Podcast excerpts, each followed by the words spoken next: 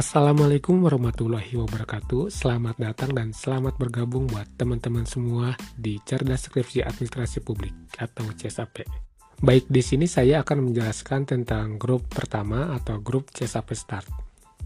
Jadi grup ini dibentuk untuk membangun kepekaan kalian terhadap skripsi.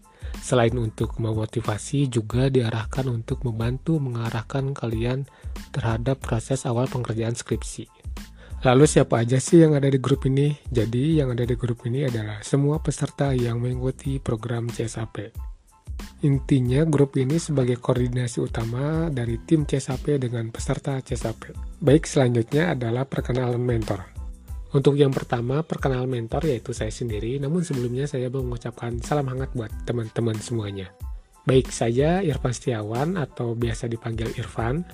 Saya adalah angkatan 2015, Spesialisasi saya di sini adalah kuantitatif, kualitatif, dan metode campuran atau mixed method. Pesan dari saya adalah menciptakan skripsi yang sempurna itu tidaklah mudah. Tapi ciptakanlah skripsi yang baik. Dan skripsi yang baik adalah skripsi yang selesai. Halo teman-teman semua, Namaku Hana, aku dari angkatan 2016 dan spesialisasi aku di sini yaitu metode kualitatif.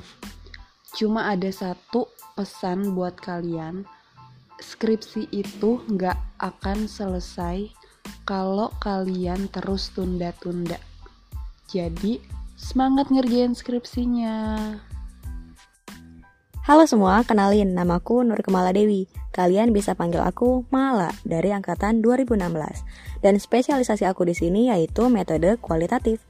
Pesan buat kalian tetap semangat dan jangan lupa apa yang kalian mulai harus diselesain. Bye-bye.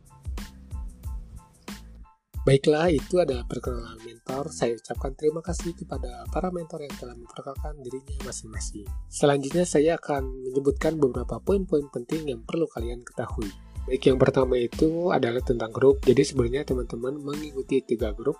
Grup pertama adalah CSAP Star, grup kedua itu adalah capaian uh, teman-teman per babnya. Terus yang ketiga adalah grup mentoring. Jadi teman-teman akan masuk ke dalam grup mentoring yang isinya peserta atau menti dan mentornya. Yang kedua adalah tentang persepsi para mentor. Jadi teman-teman jangan khawatir karena sebelumnya para mentor telah melakukan TOT yang di dalamnya menyepakati cara bimbingan, konsultasi, dan batasan-batasan yang ada di dalamnya. Jadi jawaban kita bakalan selaras meski mentornya beda-beda karena kita punya patokan yang sama dalam melakukan mentoring.